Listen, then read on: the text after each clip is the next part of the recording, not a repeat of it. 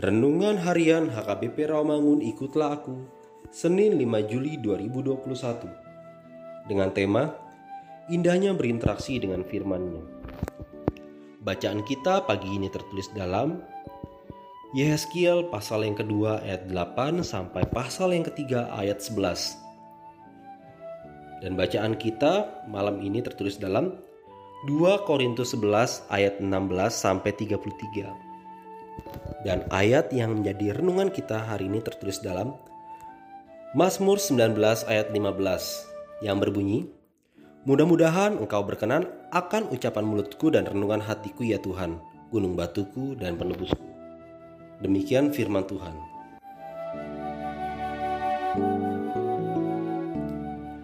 Allah menjalin hubungan dengan manusia secara langsung dan menyentuh keberadaan manusia hingga ke pusat kehendaknya, yaitu mulai dari akal budi, hati, hingga jiwa. Sentuhan yang dilakukan oleh firman-Nya adalah sentuhan secara pribadi dan bekerja di dalam diri manusia.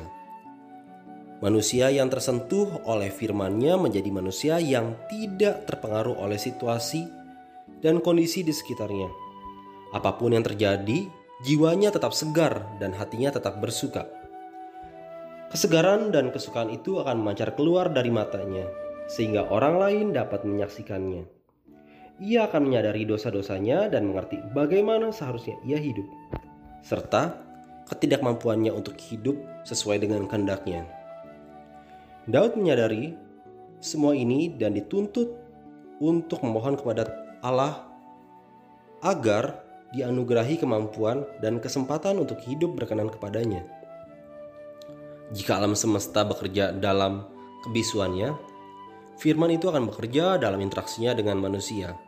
Karena itu, manusia harus mempelajari dan memegang teguh firman-Nya seperti yang diteladankan oleh Daud.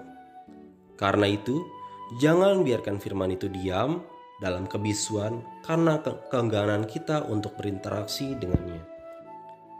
Keindahan dan kekuatannya akan bekerja dalam diri kita jika kita mau menyediakan waktu secara khusus untuk berinteraksi dengannya. Marilah kita berdoa. Ya Allah, biarlah kami terus memuji Engkau dengan mulut kami dan selalu menyimpan firman-Mu dalam relung hati kami. Karena Engkaulah gunung batu dan penebus kami. Amin.